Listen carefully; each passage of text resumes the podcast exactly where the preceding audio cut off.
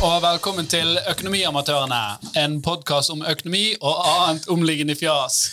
Um, dette er første livestream vi har, uh, så dere, hvis vi driter oss ut, så må dere være tålmodige med oss. Det kan være det blir siste. Det kan være det blir siste. Uh, men uh, vi skal som alltid snakke litt om økonomi og, og, og, og mye rart. Uh, først skal jeg introdusere uh, folka som er her i dag. Vi har selvfølgelig Jan Tore Kristoffersen. Uh, ja, erstattet av en hund i forrige episode, men er tilbake igjen nå. Hvordan gikk det? Jeg har ikke... Det var Veldig greit. det var Veldig greit, faktisk. Uh, Torstein Meldingen, som er det, ferskeste medlemmet i denne trioen. Hyggelig. et- hyggelig. Jeg bare lo litt. Jeg så gjesten. Han flyttet litt på den ene ølen og så at det sto en fiskflaske bak. Så så jeg trynet hans og sa sånn Hva faen er dette for noe? Hva står det bak fiskflasken? Der står, der står, der står det andre vinglasset mitt. Uh, og I dag har vi en, en, en veldig uh, gøy gjest. av meg. Det er Trond Døskeland, uh, som er professor uh, på NHH. Uh, og lever, jobber med behavioral economics. Jeg jobber med mye rart. Jeg jobber mye med finans og sparing og personlig økonomi. Mm. Akkurat nå er jeg litt sånn bekymret for hva er det jeg kom med på her. Altså, jeg kom fem minutter siden kom jeg inn i et rom, og her er- står det alkohol på bordet, og jeg vet ikke hva jeg skal snakke om. Så det, dette blir spennende. Det er ikke uh, de vanlige sånn komitémøter innenfor finans. Uh, Nei, det er for eksempel eh, når jeg skal overlevere rapport til oljefondet om to uker, så eh, sitter Vedum og andre der som er litt traustere enn det dere er. da. Vedum? Han er ikke traustere? Ja, eller de som jobber i Finansdepartementet, er mye traustere Jeg jeg har jobbet i finans, og vi hadde alltid med oss fisk på møter der. Jeg spørs hva fisk, da, men eh, jeg tror jeg tar ikke det for god fisk. i hvert fall. Uh, ellers for å si det så Podkasten uh, sponset av uh, Horde, og mitt navn er Alf Gunn Andersen. og Jeg er daglig leder i det selskapet, så det er i hvert fall det sagt. Uh, og, og I dag skal vi snakke om, om, om litt forskjellige temaer. Vi skal være innom forbrukerøkonomi, vi skal være innom litt sånn sparing og, og, og, og lån. Vi skal snakke litt om vi kan godt snakke litt om fintech òg, altså nye forretningsmodeller innenfor for dette her. Og så har vi selvfølgelig eh, du som har en veldig god spisskompetanse på dette området. Du, du er jo òg veldig aktiv i, både med rapporter til oljefondet, du er ute i media og, og, og, og mener forskjellige ting. Og hovedsakelig så er det jo det virker som det som du har spesialisert på, er liksom denne husholdningsøkonomien til folk flest. Stemmer det, eller? Ja, altså det, altså Finansmarkedet er jo veldig bra for alle. Altså Finans er bra. Det er jo et marked, og uten et marked så hadde jo ikke vi eh, fått så mye muligheter. Så Hvis dere ser på Farbel, eksempel, så er de kjempeglade hvis de kan få gå på markedet. Grunnen til det er jo at de kan bytte inn det de lager på gården, med andre varer og få andre ting igjen. Og Sånn er det med finans òg. Hadde ikke vi kunnet spart og lånt og forsikret oss, så hadde vi sittet på en veldig stor risiko sjøl. Vi, vi kunne ikke ha lånt til huset, vi kunne ikke ha spart til pensjonister, vi kunne ikke forsikret huset mot at det brenner. Så finansmarkedet brukt på en fin måte er faktisk veldig bra, Velferdsøkende. Mm. Så, så dere er, det er mange som jobber med finans og tenker at jeg gjør noe fælt, men det å gjøre dette på en god måte, det er faktisk veldig bra. Og når jeg så litt på Horde, så har det potensial til å gjøre en god jobb, men eh, finans også er, det er mange kjeltringer som på en måte ødelegger for det gode. De hiver babyen ut med badevannet. på en måte. har, du, har du noen eh, gode eksempler på det?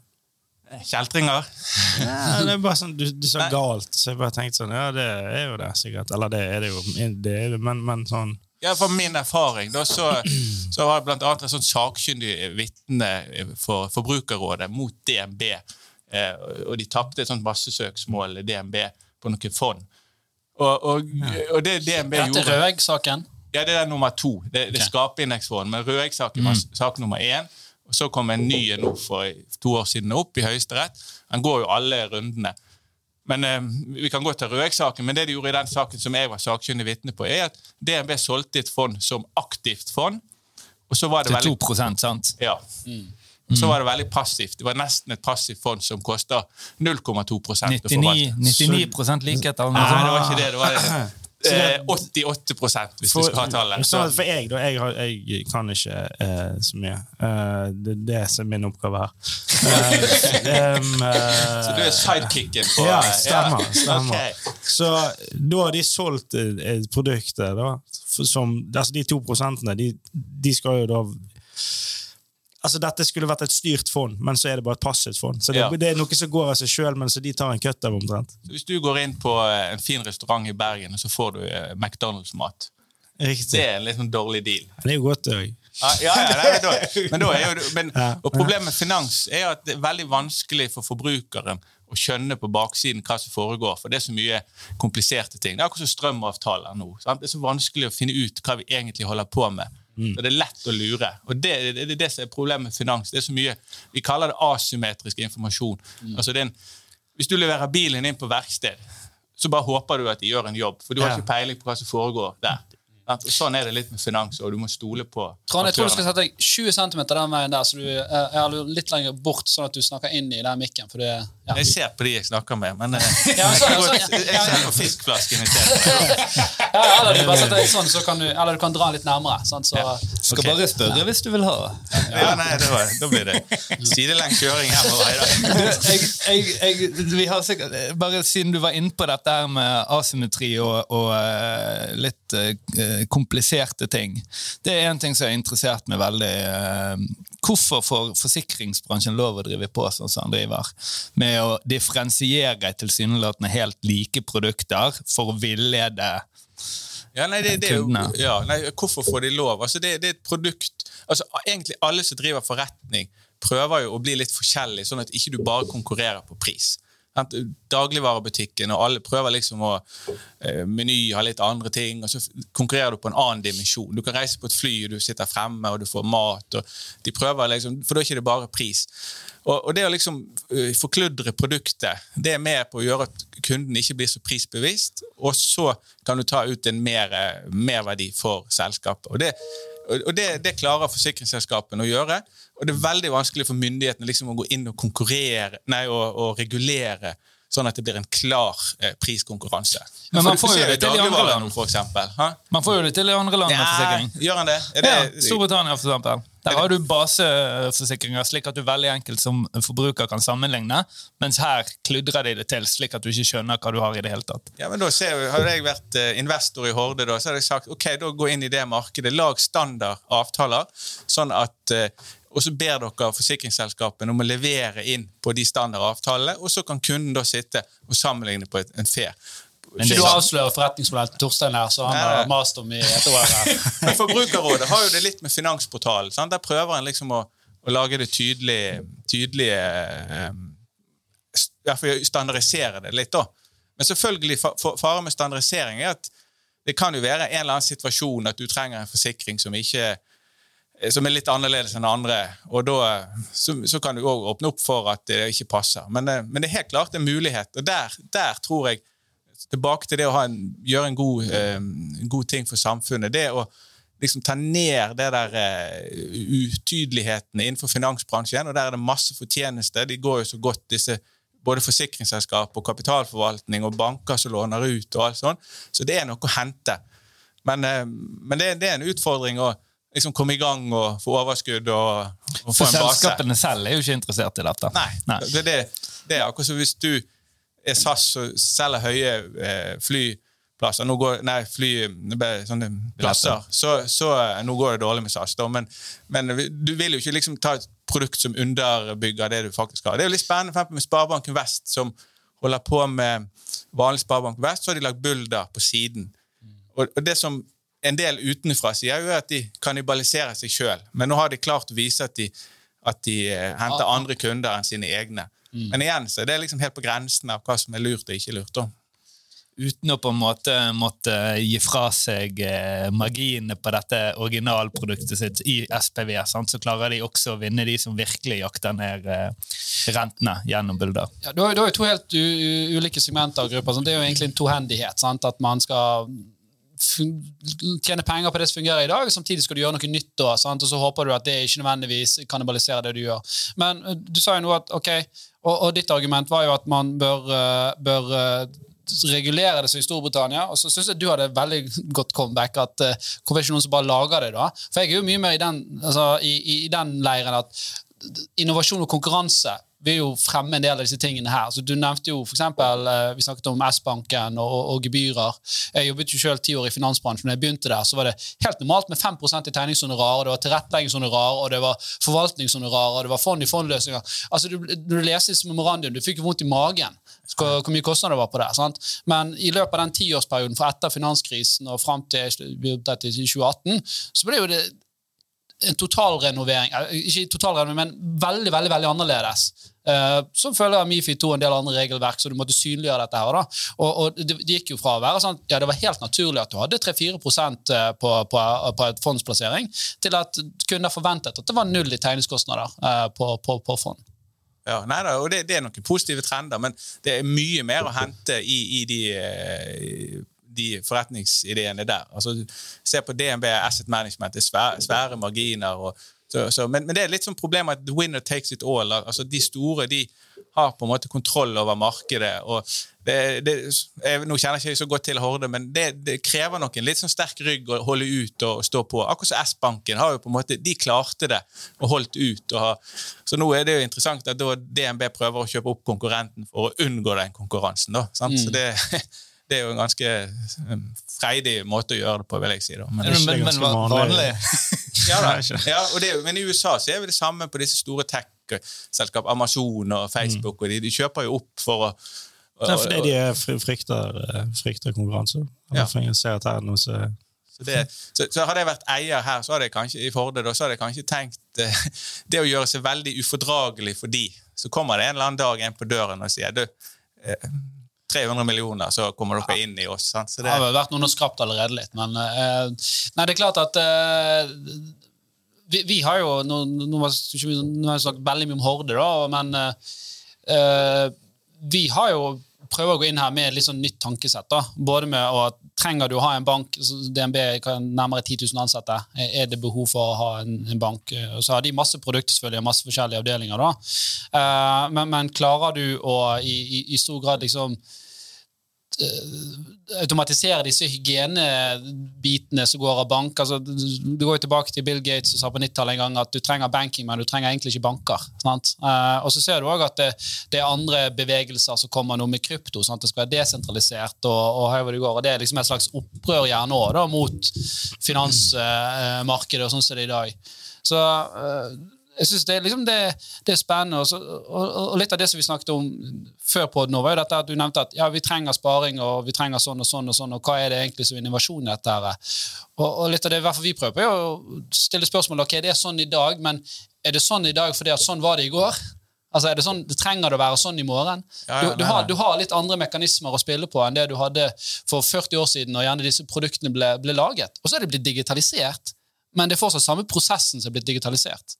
Ja, ja nei, det, det, er mange spennende områder. Så, og at finansbransjen på en måte skal utgjøre 20% av børsen og sånn, er jo helt feil. For finans er jo egentlig det er jo det markedet. altså Det å gå på Farmen og selge og spille musikk. Og, altså det er jo det å gjøre transaksjoner. Og det skal ikke utgjøre 20% av en økonomi. Så egentlig skulle det bare vært et par prosent, for det er jo bare smør i, eller oljen i maskineriet. Så, så, og, og, det betyr at det er en mulighet til å gjøre dette bedre. Men, men det er man ikke så lett å vite akkurat hvordan. Men det som jeg prøver å si med fintech, er at mange tror at fintech løser alt, og at vi kan skape millioner av arbeidsplasser. Men det er ikke sånn. For det, det er de samme tingene som skal gjøres. Altså vi, det er folk som skal, trenger kapital i dag som ikke de har. Det er låning, det er folk som skal flytte kapital fremover i tid, og det er forsikring og, og deling av risiko osv. Så, videre. så det, det er liksom ikke så masse nytt. Og så er det å gjøre de tjenestene på en bedre måte. Men så kommer det òg mye sånn rart. altså ja, altså Krypto, som du nevner, det er helt forferdelig. Jeg, jeg, forstår ikke hva vanlige folk skal gjøre. Det kan være en eller annen ting som gjør at de kan gjøre ting effektivt, men ikke så mye det.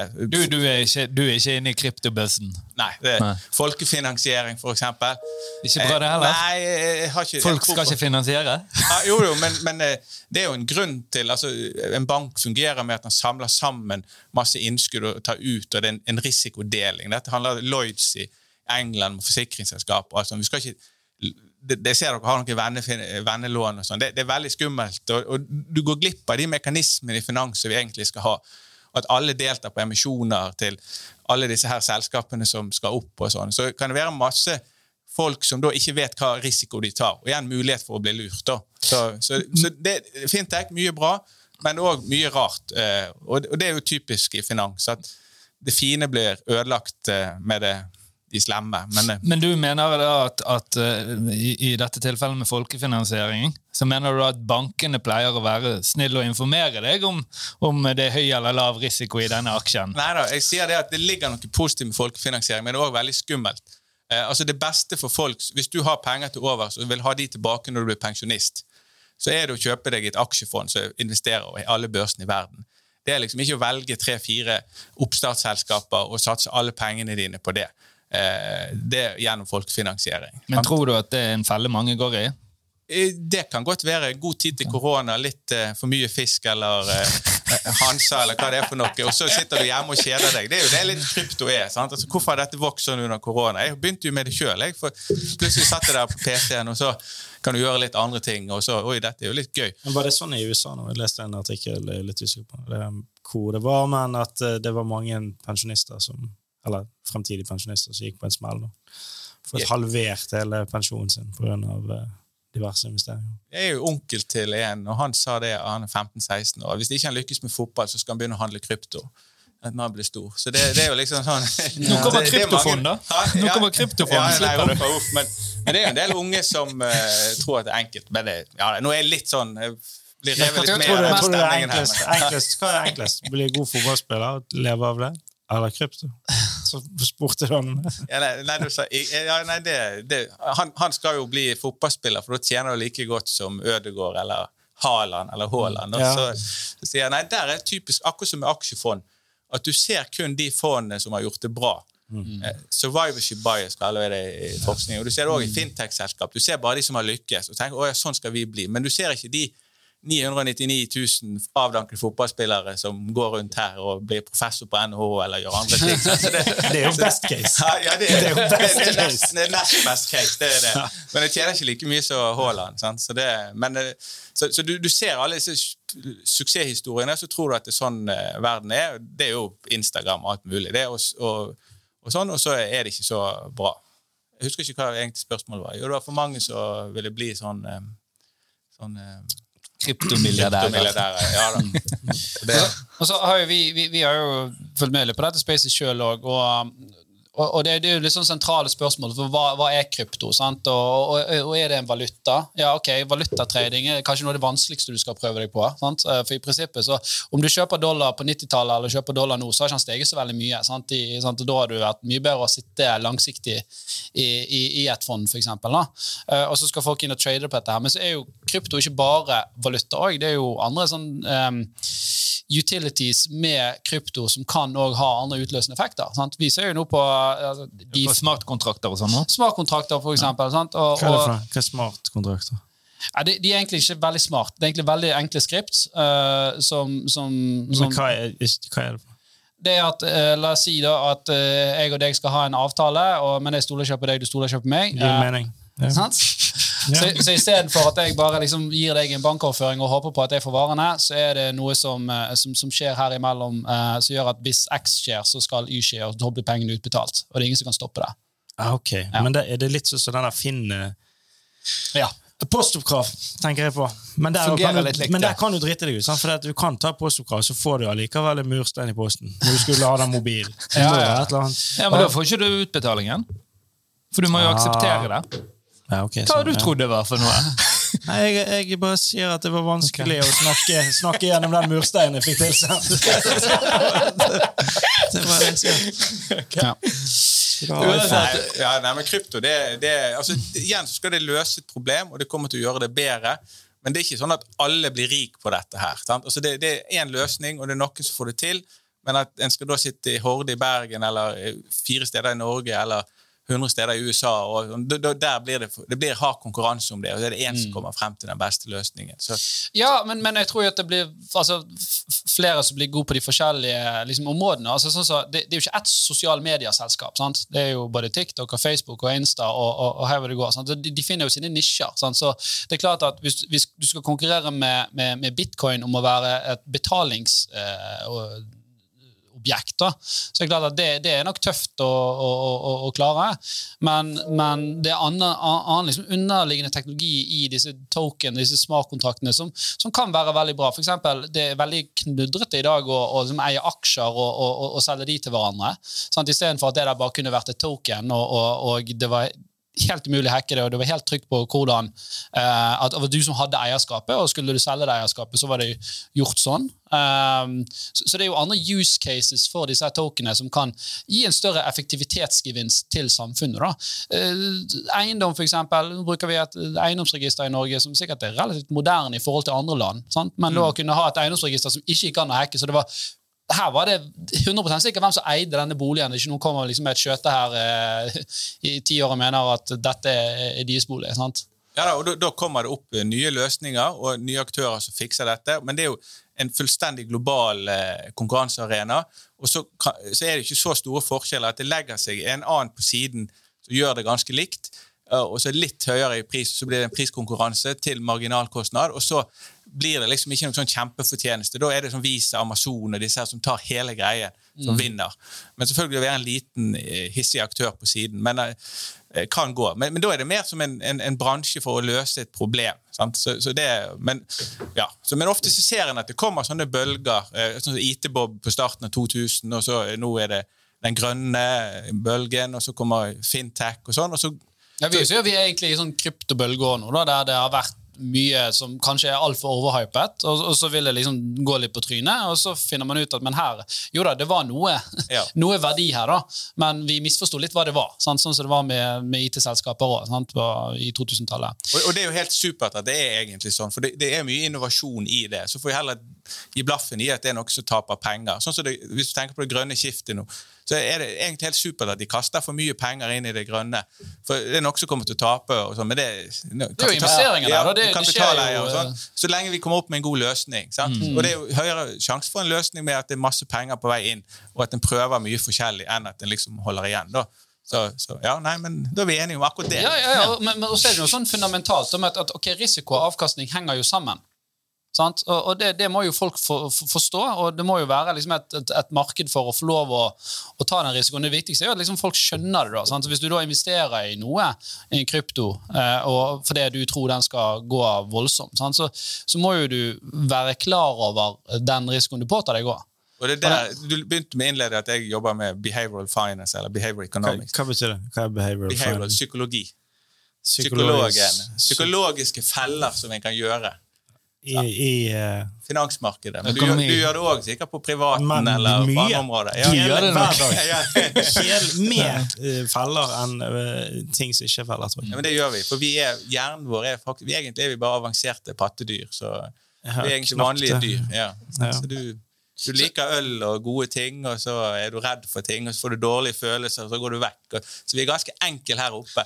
Og de enkle tingene de gjenspeiler seg òg i finansmarkedet. F.eks. med krypto og sånne du blir veldig uh, herding, altså sånn saueflokkmentalitet. Når mm. naboen din sier han har tjent penger på krypto eller folkefinansiering, så begynner du òg med det. Ja, men også, det er FOMO-greier.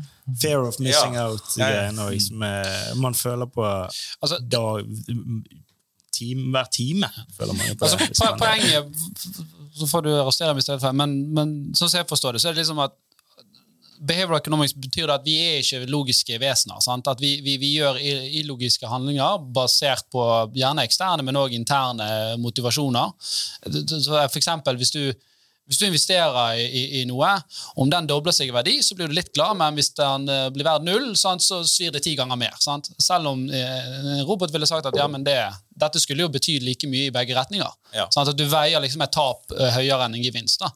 Uh, og er det det, altså er det det som er behavioral economics, denne her logiske bristen vi har? Ja, altså, det, Behavioral economics er mye, men, men det, det, er egentlig det mangel på rasjonalitet at det er andre ting som overstyrer det. Eh, ja, så, så, hvis du da sitter og investerer i eh, investor i oljefondet sitter og regner på ja, sånn og sånn og helt nøyaktig, og det case regner hjem. Sant? Mens en privatinvestor er sånn at å ja, nå eh, kjørte jeg forbi eh, et firma. Jeg kjørte forbi Telenor hvis du bodde utenfor Fornebu. Så, ja, det, det, tror jeg har tro på i dag. Sant? Og Så leser du i avisen om at eh, Tesla er på vei, eh, mange biler er på vei inn. Ja, det må jo være bra. Så det er mange sånne ting som gjør at du blir påvirket. Så, Så, så det er derfor Tesla er priset til 300 PE, for eksempel. Som er ja, men det er det som er veldig vanskelig, det er å skille det rasjonelle fra det irrasjonelle. Sant? Så Tesla er jo, er jo et typisk eksempel på at, at er det rasjonell prising, eller er det en, en hype?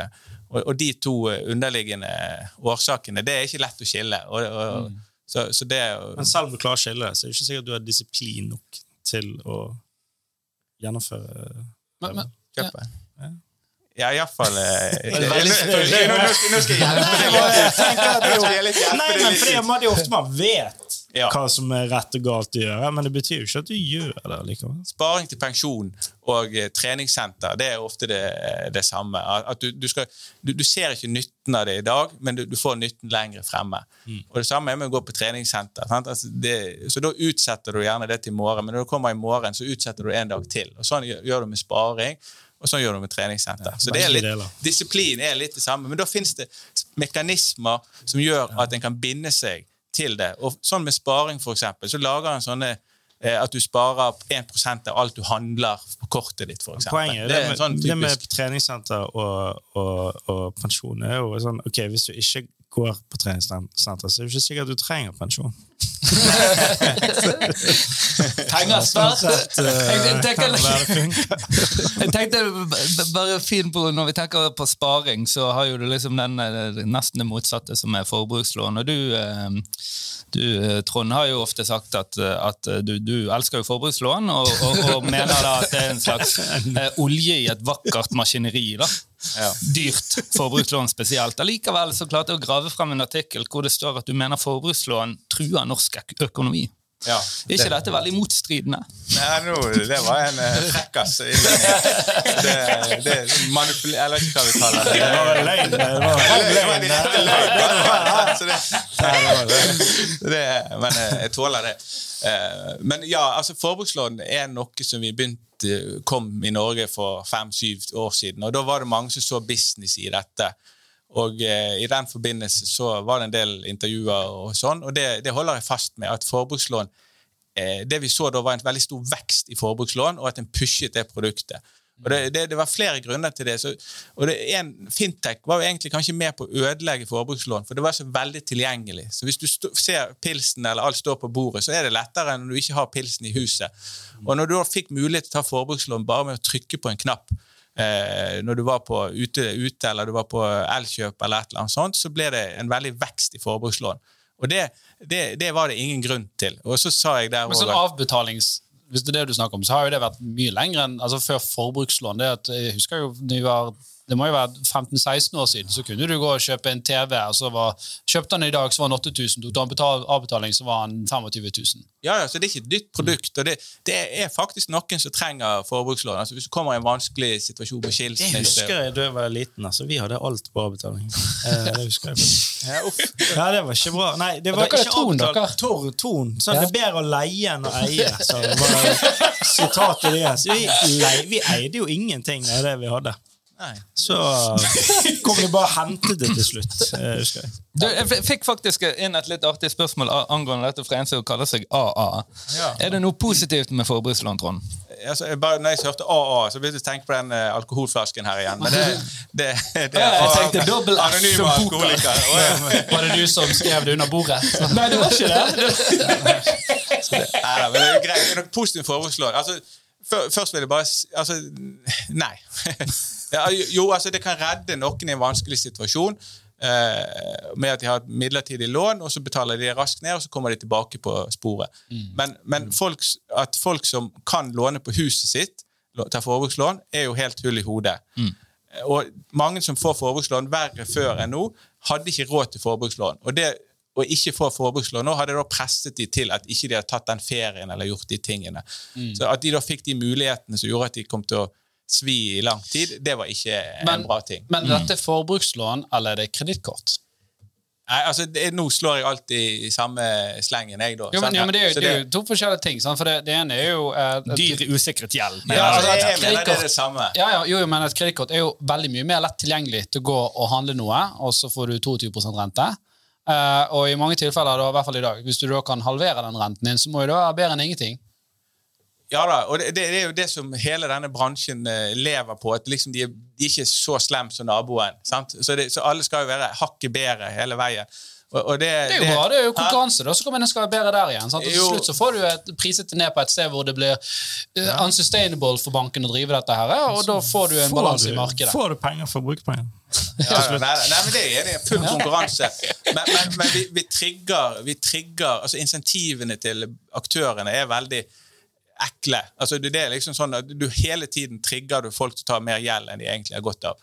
Så, så bransjen i seg sjøl Hadde vi lagt ned hele forbrukslån-greiene, så tror jeg kanskje det hadde vært bedre. Så de casene der en hadde litt trøbbel, så så, så lånte en det på en eller annen. Men det, det, det skjer ikke det. og Selvfølgelig skal det være en eh, utvikling i dette her videre. Men at det skal plutselig liksom være ti forbrukslånbanker på børsen, og alle skal gå med 20% i margin osv., det, det går ikke. En, Du, det, det, altså, det var jo veldig, veldig mange som gikk med mye mer enn 20 for, eh, for eh, noen år siden.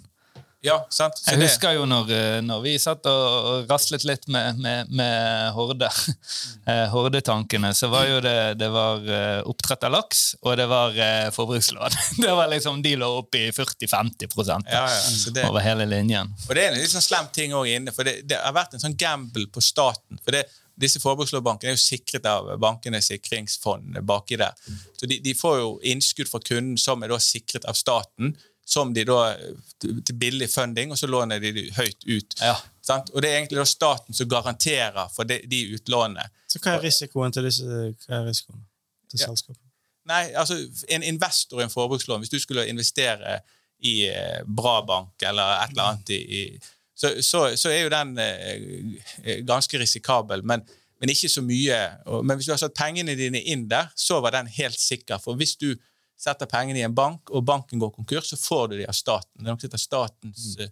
nei, Bankenes sikringsfond som garanterer innskuddet ditt. Eh, og, og det gjør at fundingen deres er jo, altså Innskuddet fra kunden er helt sikkert, og så kan du låne ut eh, usikkert. Og den, egentlig så er det investorene som skulle tatt den risikoen, men eh, det, det slapp de i dette tilfellet. det, er litt sånn og- og det- komplisert. ja, det- jo da, men- og det er mange ting vi kan snakke om der, og annet i, i kassoregler i, i Norge, hvordan de var. Sant? At det er jo nesten ingenting som er usikkerhet hvis du, hvis du har noe verdi baki der. Sant? Så, så, og, og det har jo vært òg at du, låner ut, og så har du noen år hvor det er høy rente på dette, så det bygger seg opp, og så, så kan du bortimot selge det til, med gevinst vet du, til et inkassobyrå. Det, det, det er jo det er et komplekst bilde med flere ting, men vi ser jo det at det har kommet nye regler for inkasso, det har kommet utlånsforskrift, så det er jo noen ting som eh, eh, i hvert fall i mer eller mindre grad eh, rainer det litt inn. da. Eh, og så er det, må jo man liksom ha en sunn konkurranse i, i, i, i dette markedet her òg, da. Ja, og det, det er helt enig i at det er en positiv utvikling. Men så ser vi sånne nye trender. Jeg ble senest kontaktet av en avis i dag som begynte å Kan du fortelle litt om omstartslån? Sant? Så det er jo tydeligvis når jeg satt meg litt inn i det, jeg kan ikke altfor mye om det, men det er tydeligvis at det er en måte å komme litt unna regelverket, og de har funnet en ny sånn lomme. Og det er jo finansbransjen på, kanskje på sitt verste og sitt beste at de, de eh, redefinerer dette greiene her, og så kan de sette nye folk inn i en felle som kan være vanskelig å komme ut av. Da. Så, så det, Hva, hva er egentlig hva er et om, omstartslån? en av dere kan jo kanskje fortelle det. Ja, altså jeg kan, jeg kan, jeg kan uh, fortelle det. Og, og, og jeg, jeg hører på en måte hva du sier, men vi ser også mange saker hvor, uh, Er det det samme hvor jeg tror dette er en løsning for, for, for kundene. Da. Men er det eh, ja, det er en, en total refinansiering i, i, de, i mange tilfeller, men du har også ja, det, det er en refinansiering av, bol, eh, av eh, ofte boliglånet ditt, hvor du da smelter inn veldig mye både råtten gjeld, frisk, dyr gjeld osv. til en total pakke, eh, som gjerne er en del eh, har, en, de- eh, har noen prosenter høyere enn eh, enn boliglånet, men en, en god del lavere enn eh, vanlig Men forbrukslån. aggressive eh, Med, med sikkerhet i din uh, bolig. Da. Ser du òg et problem med omstartslån?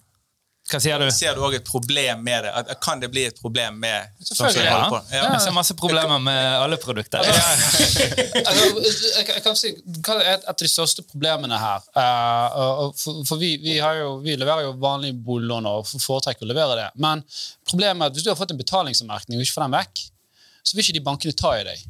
Så det du kan gjøre da, det er at du kan refinansiere et omstartlån, så blir du kvitt hvert fall betalingsanmerkningen din. Så må du ha det drittlånet et par år, og så kan du gå og prøve å få faktisk lån hos en, en vanlig bank igjen.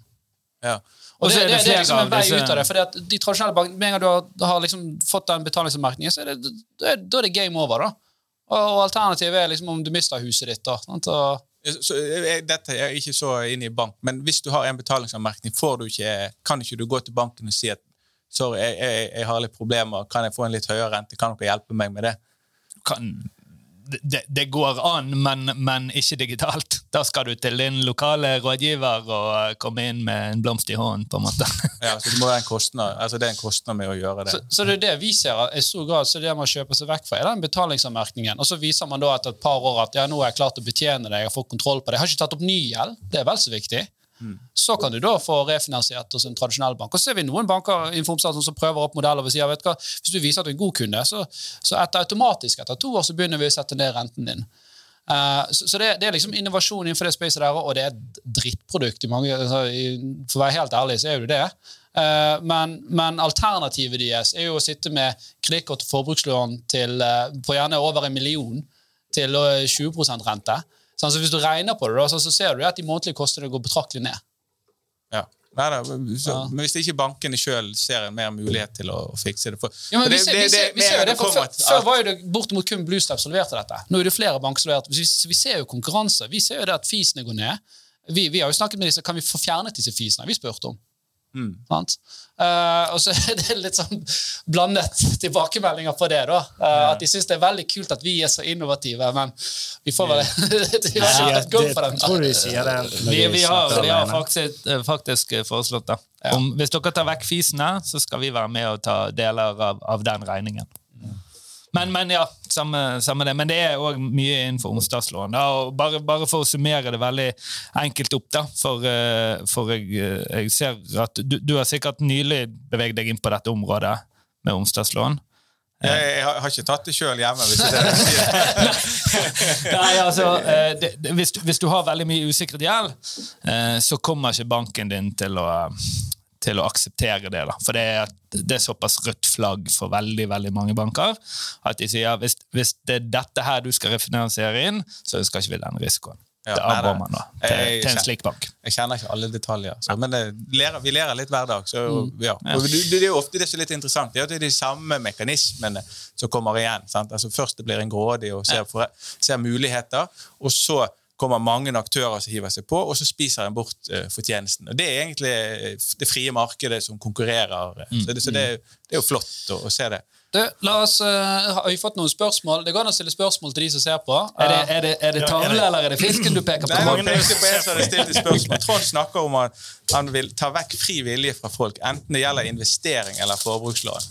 Oi! Du vil besvare det. Ja, jeg, Ja, besvar Nei, jeg, jeg, jeg, jeg skal ikke si navnet. Fri vilje, det er jo Nei, og det er jo et veldig interessant spørsmål, og det, det var jo litt det som kom innledningsvis, her, vi skulle, få, vi skulle, skulle regulere markedet. Og det, du kommer til en sånn, eh, egentlig sånn de, diskusjon. Kan vi beskytte forbrukerne mot seg sjøl? Skal du? Skal du forbruke? Ja, sant? Det er jo liberalistene som mener at alle kan bare være akkurat som de vil, og må ta ansvar for seg sjøl. Eller skal vi regulere Ja, ja, det- finansmarkedet? det- Og det, det er egentlig det spørsmålet Ja, ja, for, det, det, det, for, for det er to ting her. Det ene er liksom, skal du, skal du beskytte folk fra å gjøre dumme valg, eller skal du i hvert fall pålegge de som, som, som tilbyr et dumt valg, at de må i hvert fall synliggjøre risikoen? Sant? Altså, det, det er to sider av det der. Ja. Sant? Den ene siden kan du si sånn, nei, vi bare har tenkt å forby dette her. Eller du kan si at jo da, men det er markedsføringslover her, så skal du tilby dette her, så må du må forbrukeren som kjøper det være smertelig klar over at dette er det de forplikter seg til. Vil du ha det samme på forbrukslån som du har på røykpakken? Det er det du sier. Ja, det er litt det samme. ja, det, det, det, kan- det, også være, være, være krypto. Og hvis du, hvis du ser at det kommer sånn LG eller disse CFD-plattformene kommer på TV, så er det sånn ah, Mann i seilskute sant, og lever sitt eget liv og trader, og så kommer det en liten sånn tekst der nede. 78 av alle som driver CFD-trening, taper penger. Ja. Ja. Det burde det burde være et Og der, der står det i tre sekunder, og så, og så er det vekke. Og det er klart at det er ikke nei, så burde det være bilde av en uteligger. Ja, ja. Altså, du kan bli hjemløs. Dette er langtidsvirkningene av, Ja. av investering. ja, men- ja, men du, du skjønner distinksjonen mellom de tingene. En er å forby det, andre er liksom å, å, å, å, å påse at motparten er klar over det. Det er omtrent som den eh, rusreformen. Det, da. Altså Nå vil noen at det skal være lov å bruke det, men at det er ulovlig. Altså, det, eller skal det være helt forbudt? Det og så- var, det var veldig spennende sammenligning. ja, nei, nei, vet det. Nå, nei, det var jo selvfølgelig spøker vi litt. Friheten til å ta dårlige valg. Spøk, spøker vi litt her, Men, men det, er, det er en artig prinsipiell, det er nesten filosofisk diskusjon. Sant? Så det, og det, sånn var det litt i den rettssaken vi var med DNB òg. Skal du liksom beskytte eh, forbrukere mot seg sjøl, er det riktig? Men, men, men da er det noen trender innenfor finansmarkedet, og et helt fritt marked eh, det går ikke. Og finanskrisen var vel et eksempel på at her må det reguleres. eh. Og det, da, vi, da var det subprime i USA, så disse her eh, lånene som en startet med lite lån og lite rente, og så ble det en ballong, altså det kom en høyere rente senere, og så videre, og så måtte en inn da og regulere, for en, en så at, at dette her er, kan ikke gjøre alene. Og, det, og, og, og hovedårsaken til jeg tror finansmarkedet er, er, er denne asymmetrien. altså at det er så eh, Vanlige folk klarer ikke å se alle konsekvensene med egen handling, og da må vi eh, inn og, og regulere. da. Så, så det mm, ja. Så, Og, og det er jo ofte pga. at det er en kompleksitet bak i produktet der som er veldig vanskelig å forstå for mannen i gaten. sant? Ja. Ja. Og det Garanterte spareprodukt med Røegg-saken var det samme. Aktive og passive fond. Sant? Du, det, det er ikke lett for uh, alle å forstå hva er et aktivt fond. Men, hva det, kan, men det, det forsto jeg egentlig. Altså, det er jo at noen styrer det fondet. Er vel, at det, er, det er noen årsverk da, som jobber med det fondet, sånn at det skal bli bra. Stemmer Ja, ja, men- ikke? jo, jo, da- Og passivt så bare ja, vi håper, det, du, ja. bare, jeg håper dette går greit. Ja, det, det, det er den enkle varianten på det. Men, men eh, ja. Nei, men det, det, er jo bra, det er bra for deg, da. Du får en fin ettermiddag. For det, det sto du den testen. Så det, men det er ikke alle. Hvis du spør eh, det er mange, eh, det, det, De kaller det finansiell analfabetisme, og der er Horde en viktig Mm. rolle. For det at forbrukerne er veldig Gratisreklame. Ja, jeg, jeg, jeg tar med meg en sånn øl. Eller, eller. Nei, jeg Finan, er det finansiell ja, det, Finansiell analfabetisme. Eller dysleksi. Ja. Ja, det er litt det samme. Ja. Og det at Forbrukerne er egentlig dum når det gjelder å ta disse valgene. For eksempel, hva er det? Er det halvparten forstår ikke at et aksjefond er mindre risikabelt enn en aksje. Mm. Og, og det er disse som, som vi sender ut og skal ta ansvar for sin egen pensjon, f.eks. Så det at du får frihet til å bestemme pensjonsleverandører og alt dette, det er ikke sikkert at det er det beste når du ikke har kunnskapen til å få det. Så hvis du får en pistol i hånden, og du ikke kan bruke pistolen, så er det egentlig bare farlig. Sant? Så, så det, det, og all denne friheten du får med å velge mobilleverandør og strømleverandør og alt mulig, det skaper eh, uoversiktlighet. Og da fins det sånne nudging-ting. Og der kan du høre Horde da, men da må du ha stien din rein og på en måte ha god samvittighet for det du gjør, og styre folk inn i riktig retning.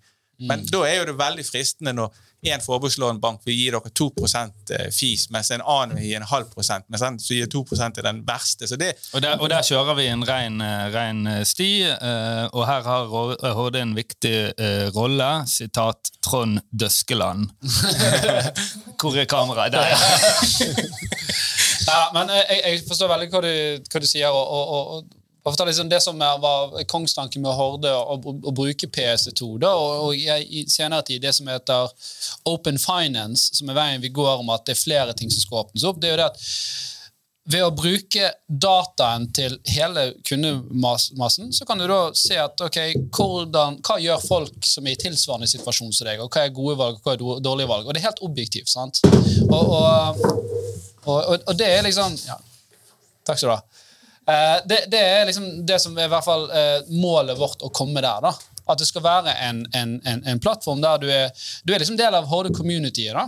Eh, og, og vi hjelper hverandre gjennom altså Dataene din anonymiseres for andre. ser ikke hva du gjør, men du ser liksom andre er i samme situasjon. Hvor er det de gjør det bra, hvor gjør de, hvor gjør de det dårlig? Og så kan du da korrekte deg sjøl, eller så kan du velge å si at ja, jeg gjør litt dårlig her, men det velger jeg. Fordi jeg liker å, å leve litt på den måten. Sant? Jeg liker å være overforsikret og være trygg på ting. Jeg ser jeg betaler mer på forsikring enn andre, men det lever jeg greit med.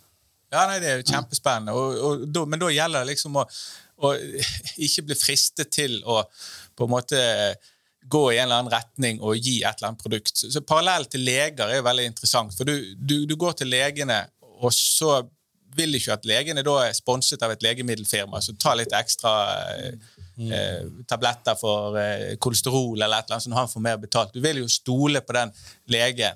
Og det, det er jo veldig viktig tenker jeg, for dere å være et sted der du kan stole på. Og det, det må ikke dere miste med å liksom å i- ligge med slemme folk. Greit, det, det, var, det var dagens råd. Det, det, det er en som skal få oppklart noe her, eh, Joakim eh, Haugland.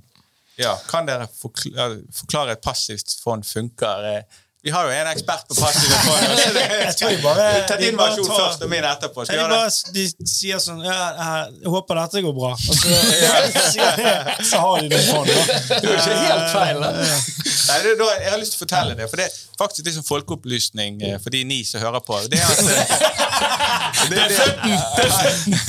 Det er slutten. Nei, det er at, husk på at alle i Norge, alle babyer, alle voksne, vi har to millioner kroner inne i oljefondet som vi har puttet inn der. Og Det er veldig viktig at folkene i Norge forstår og passer på hvordan de pengene forvaltes. Og de forvaltes tilnærmet som et passivt eller et indeks, indeksfond. Og Det gjøres med at en putter de pengene rundt på alle børser i hele eh, verden. På, og, men hvor mye en tar i de ulike eh, selskapene rundt omkring i hele verden, det er avhengig av hvor stor de ulike selskapene er. Og Da bare regner en ut hvor stor selskapene er andel av alle børsnoterte selskap, og så investerer en den andelen der. Så en gjør ikke noe aktivt valg. Det er ikke at en går over i Apple, eh, investerer mer i Apple enn det Apple utgjør av økonomien. Så en bare investerer pengene sånn eh, Proporsjonalt i forhold til verdi. Riktig. ja. Ja. Så hvis du har et norsk eh, indeksfond, så vil f.eks. Equinor og Telenor og Yara de, de vil være store poster i dette, her, fordi de er store selskaper i den norske økonomien. Ja. Ja. Men, men hadde det vært et globalt indeksfond, så ville Yara og, og Hydro og, være Musepiss. litt- ja. Hvor ofte eh, rekalibrerer man disse vanligvis? Nei, for Det som er veldig artig, er at du trenger ikke gjøre det så ofte. For, for hvis et selskap går ned, så går òg dine aksjer i verdi ned. Så det, det svinger egentlig av seg sjøl, så du slipper å rebalansere så ofte, som de sier. Men du må gjøre det av og til, og det er når det kommer nye selskap på børs, og de går av børs. Da er det gjerne du må Og hvis de har emisjoner og de betaler utbytte osv. Men det, det er ikke så ofte en rekalibrerer. Men, ja, ok, det, det ble for teknisk. Det kan vi ta etterpå. Men jeg, jeg har flere ganger vært i indeksfond som slår indeks nå. Ja da, men da, og oljefondet, da, da kan vi gå litt videre på det. Da, for det er ikke et rent indeksfond. Det er et enhanced indexing. Det er et utvidet indeksfond. eh, og, og da gjør de litt smarte valg. For eksempel eh, Autostore, som eh, er et stort selskap som kom på børs nå for noen måneder siden. Og, og så vet vi at de kommer på børs. Så kjøper han gjerne, ikke akkurat den dagen de kommer på børs, men to måneder før. På en eller annen emisjon de har, eller et eller annet sånt. Og så eh, kjøper ikke han det dyrt den dagen de kommer på børs. Så en prøver liksom å, å være litt smartere enn en, det- ren, ren automatikk. Så derfor er ikke et indeksfond et rent data. Det er ikke helt passivt. Nei, det, er ikke nei. det.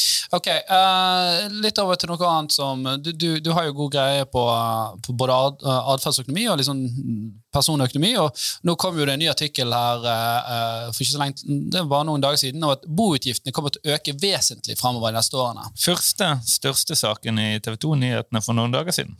Ja. Oh. Det var sånn, 38% ja, I løpet av de, de 20 Neste fem årene. Ja. Vi må bare, Løs jeg følger med på han her eh, som drikker rødvin her, men jeg, jeg, skal, jeg snur meg litt vekk. Han er over bordet foreløpig. Så det, ja, så det Nei, men, hvis- ja, nei, men det, det Altså, jeg tror jo Og det er jo nå når vi har hatt korona, så har jo det vært veldig gode tider for de av oss som har hatt fast jobb. Eh, og har lån, de, vi har har egentlig fått mer eh, frihet til å bruke penger. og Vi har ikke reist til Spania, vi har ikke gått på restaurant. Og så, vi har fått god økonomi. Eh, og egentlig, Norge har jo hatt olje de siste tiårene og bare pøs på. og sånn, så vi, Boligmarkedet har gått opp, så vi har hatt det veldig, egentlig ganske romslig. Fremover så er det nok litt mer skummelt eh, i forhold til det. og Da er det f.eks. en rente som eh, kan stige. Det er at vi ser inflasjon, altså prisstigning som kommer.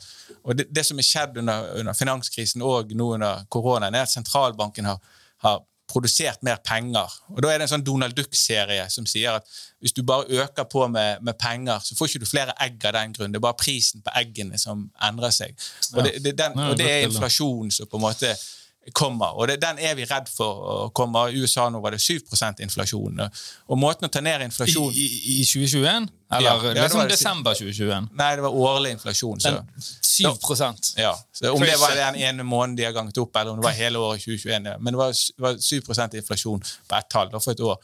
Og måten å ta ned inflasjon for det er en veldig redd for, det er å sette opp renten, for da roer økonomien seg. Så, Men, men disse, sånn som USA, da, som har en uhorvelig mengde statsgjeld, de ønsker jo litt inflasjon. For det er klart at det som var mye gjeld eh, Mm, i går, det blir, ikke, det blir mindre gjeld i morgen pga. inflasjon. Kommer ikke Så- det an på kontrakten, Men da? blir ikke det sånn Nei, for nei deg? la, la, la, meg ta, sånn, la oss si at du hadde 10 millioner, eh, eller 1 million i gjeld på 80-tallet. Det var uhorvelig mye penger.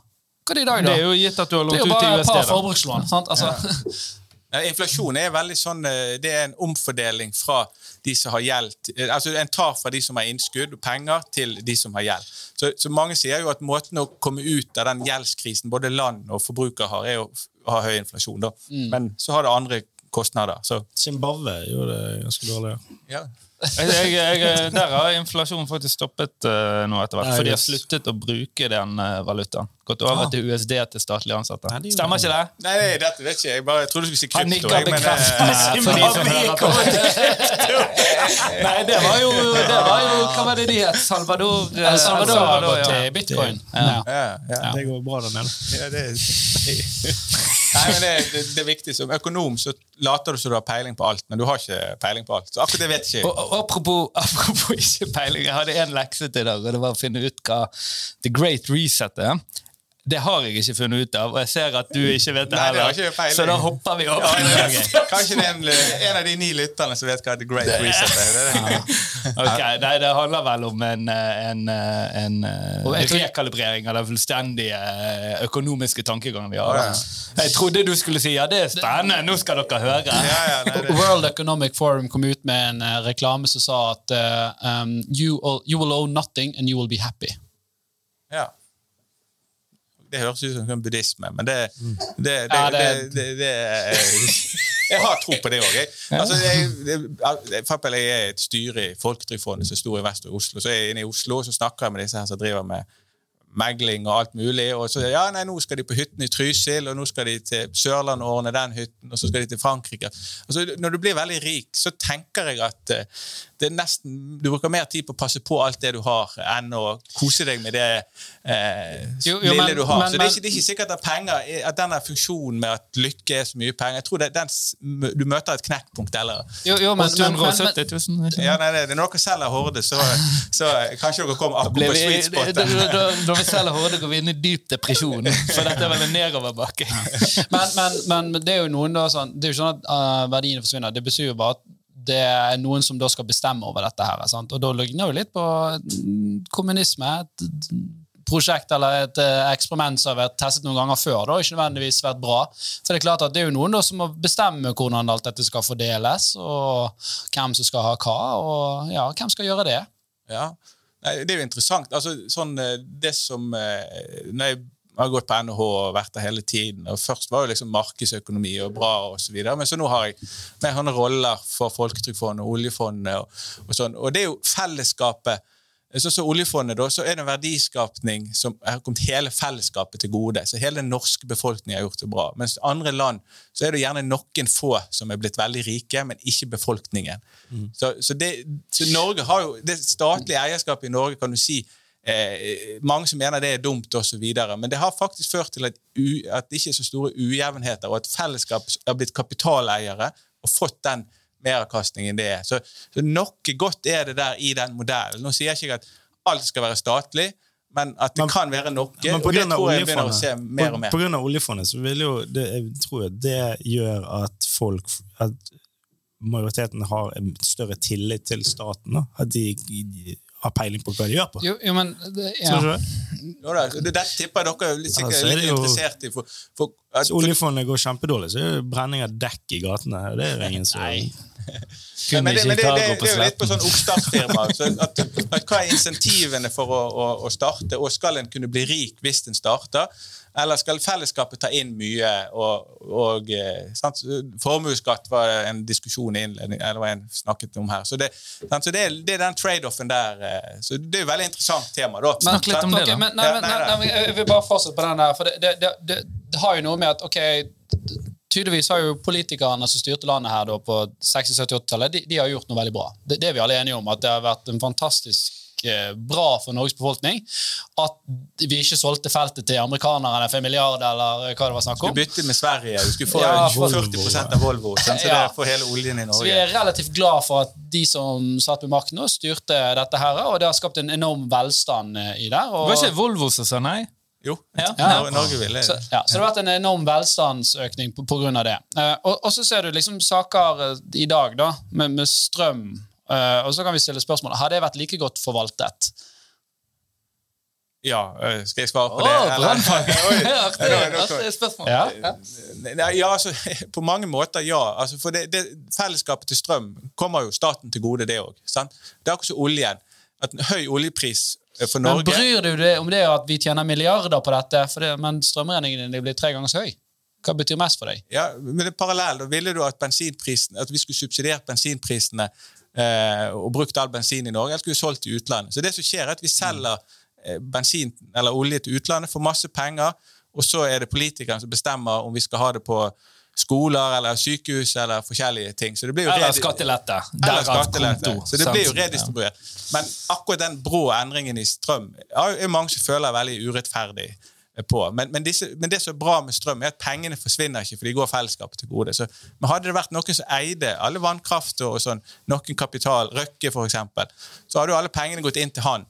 Og det hadde vel ikke folk helt likt. Sant? Så, Det det er noen interessante ting. Men samtidig så må vi gjøre at gründere og at, at det ikke blir for trygt. At ikke folk blir professorer på NHH og får statsansatt og ikke starter Horde, og at vi får nye arbeidsplasser. For vi må jo leve av vi må jo leve av noe òg.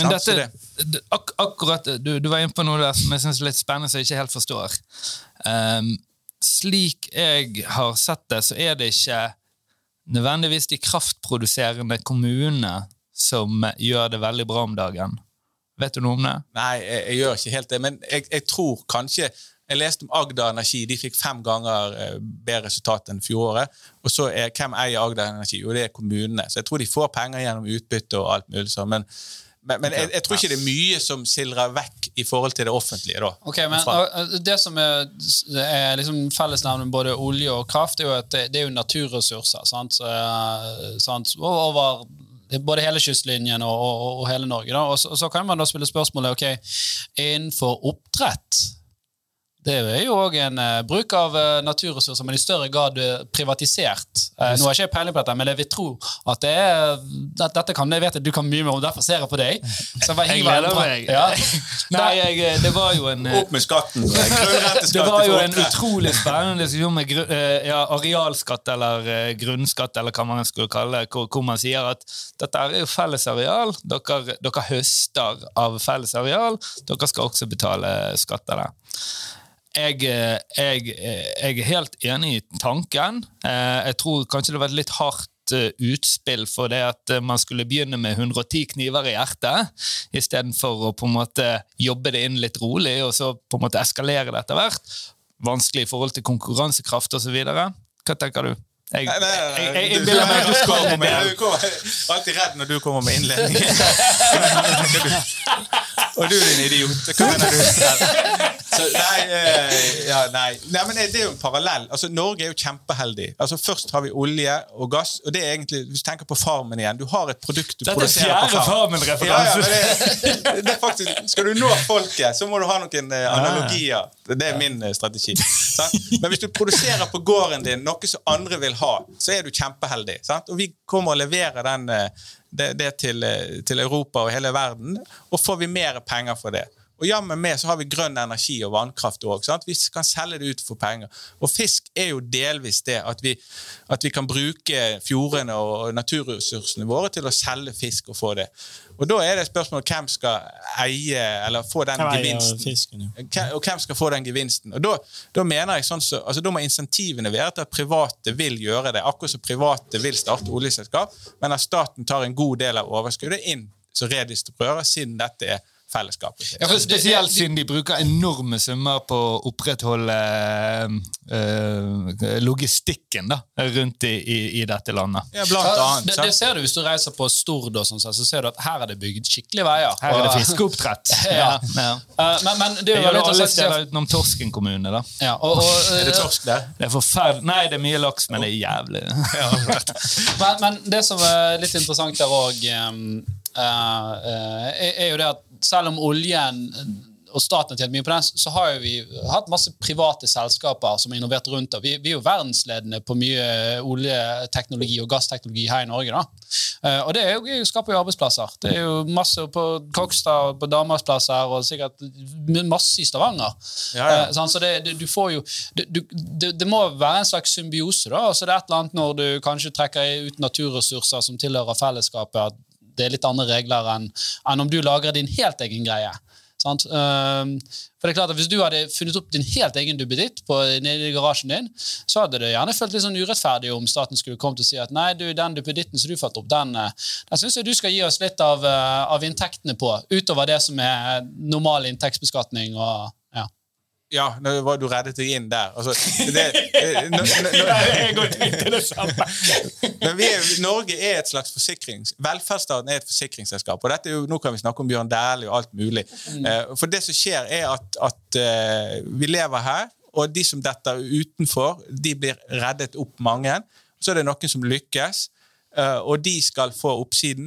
Men jeg syns det forplikter på en måte at de som har mye eller gir òg en del tilbake. For det er jo litt tilfeldig om du lykkes eller ikke. Men du gjør jo det, altså prosentvis. Men hvis du da reiser til utlandet og flytter til Sveits, mm. så er jeg ikke helt sånn happy på en måte hva signal det er. For det, det kunne vært uh, sliding door-parallell. Altså Du kunne vært uheldig og kunne trengt mm. uh, trengt ressurser og psykolog og sykehushjelp og andre medisiner og alt mulig. Og da da skal du tenke på at ok, jeg var heldig, da vil jeg ta en del av det jeg har for mye, inn i den potten. Sånn, det, det, jeg, jeg, tror de fleste er enig med det, det argumentet der. Uh, og, og, og, så er det spørsmålet liksom, for, for, det, Du har jo en, en, prosent, du betaler jo fortsatt eh, både inntektsskatt og utbytteskatt som er prosentvis likt. Sånn, så Hvis du tar 1 million i utbytte, så betaler du noe. Tar du 100 millioner i utbytte, så betaler du betraktelig mer. Så du betaler jo mer skatt. Så, så, så, debatten er jo rundt disse her ekstra skattene, som, som, jeg ikke sier om er bra eller dårlig. Det er jo liksom up for debate. Men, men, vi ser jo gjerne at det påvirker litt markedskreftene, da, hvis du har masse investorer. Alf, det lyser gjennom hva du mener. jo, jo, men jeg, jeg, tror jo oppriktig altså, for, Ok, jeg, jeg skal være ærlig på det. Jeg, jeg syns det er andre måter du heller kan justere det der på, istedenfor å ta uh, penger. For, for argumentet her er jo det at bedriften går dårlig, likevel må du ta ut penger for å betale formuesskatt på verdier som er låst. Eh, det, det syns jeg er en forferdelig dårlig eh, strategi. Eh, så hvorfor ikke heller da ha at eh, det er høyere eh, resultatskatt på selskaper, eller det er høyere utbytteskatt? Altså De gangene det går bra, så tar man heller litt mer. Hva, så, hva tenker du? Ja, hva tenker jeg? Nei, nei jeg vil ikke, altså, det, det, Dette er ikke jeg forsker på. Vi har på da kan dere invitere andre fra Vi er i hvert fall ikke forskere på dette. andre fra miljøet. Så det, så, men, men, eh, det vi snakket om i utgangspunktet, var at de som har mer, skal betale uh, mer i skatt og mer ressurser. og så Det vi er enige om, det tror jeg alle er enige om, til og med de som flytter til Sveits. Og så er det måten dette blir gjort på. Og det er jeg enig i at, at hvis det er sånn likviditetsmessig skviser og alt mulig sånn, så er ikke det nødvendig å få til. Men nå, nå, bare så vidt jeg husker, så er det jo sånn at hvis du har et underskudd og skal betale formuesskatt, så kan du få utsettelse på det. Helt til, helt til bedriften går bra. Bra igjen, ja. Så, du, det, så det, så det ja, hvis han gjør det. Ja, da. Så jeg tror det er et eller annet der som de har innført. Vi er ikke der, så vi har ikke personlig erfaring. men, men, eh, ja, nei da. Men, men tror ikke det, som du sier, da, tror ikke du at uh, hvis, okay, hvis de hadde hvis hadde skatte mer av, av et overskudd der tror ikke jeg hadde funnet måter å kamuflere det overskuddet på.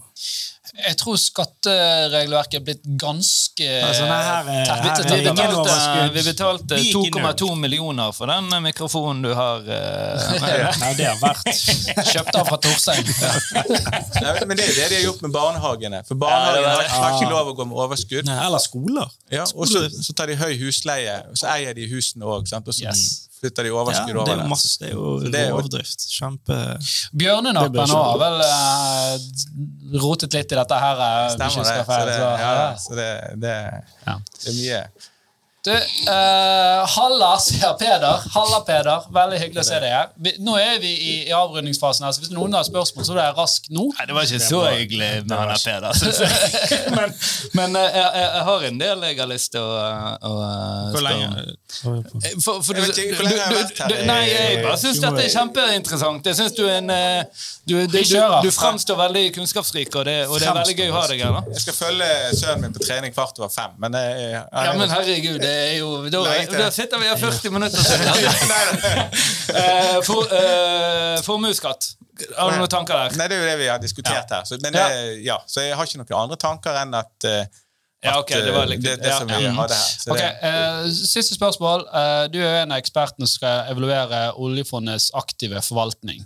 Hva Ja. er liksom kriteriene du ser da? Altså, evaluerer du etter Leverer dette avkastning til befolkningen? Skal det være etter at Er det grønne ting vi investerer i? Altså, hva, hva, er det man, hva er det man skal evaluere etter?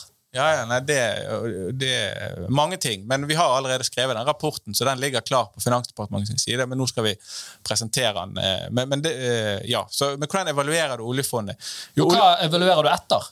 Ja, hva er kriteriene på det? Men, men da, da kan vi, altså Det som skjer med oljefondet, det er at han er eid av eh, Stortinget og Vedumen og Finansdepartementet. De er liksom Vedumen. Vedum har ikke en kjemperolle i Det er artig å si? Vedumen. Jeg vet ikke hvorfor, men Vedumen. Det er sånn bergensk uttrykk. det Vedumen. Men han har ikke en veldig stor rolle i dette. han? har ikke det, men, eh, men eh, sånn eh, hva skal jeg si, symbolsk har han det. Han eier pengene. Han sier eh, at, at dette er den indeksen, altså den apropos passivt fond, som oljefondet skal følge. Så, så gir han det oppdraget til eh, Norges Bank og Nikolaien. og, og så For du er på fornavn med disse. Så Nei, nei, nei, nei. du kjenner dem? Jeg har snakket med Nico kaller han bare. Ta- ta- Tangerangen, kaller han. Nå er jeg forsiktig. Så det er Tangen. Ja. Og så, eh, så skal Norges Bank da forvalte dette, og så skal de prøve å slå det som de har fått i oppdrag. Eh, og Så ser vi da på hva Norges Bank og Tangen og disse har gjort, og så sammenligner vi hva dette som, eh, den, denne passive indeksen som de har fått av Vedumen. Og så sammenligner vi de to tallene. da. Og det vi finner, det er at uh, Tangen har slått uh, indeksen med 0,25% i gjennomsnitt over uh, noen og 20 år, så lenge de har holdt på. da. Fantastisk. Men det er tenker du, 0,25% er det mye eller lite? Ja, det er da etter kostnader så er det 180 milliarder omtrent. Over. Men over Over det som, eh, eh, som markedet har gitt. Så, kriter, så kriteriet dere har evaluert på, er jo da avkastning. da. Ja, Avkastning og utover det som du hadde fått med en enkel løsning. Kjekt med Trond i dag, sier Øystein. Øystein Bakke. Nei, Øystein Bakke, er han på? Medgrunner i Horde. Han sitter sånn og jobber, da. Gå og jobb, Øystein. Nei, men Supert, Trond. Dette var veldig veldig gøy. Eh, masse gøye, spennende temaer. Eh, du, du har jo også gitt ut en bok om personlig økonomi, har ikke det? Jo, den, Hvor eh, mye, hvor mye, og dette er eh, et interessant spørsmål, hva er avkastningen din når du selger en pocketbok for 699?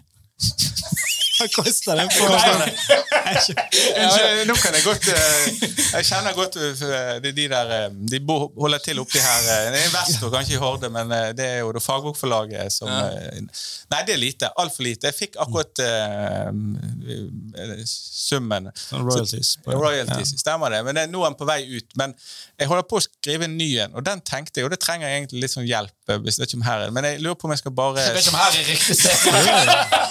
om det er en eller annen, en eller annen ute der, en av de ni som kanskje blitt åtte hvis han, skal skulle spise middag.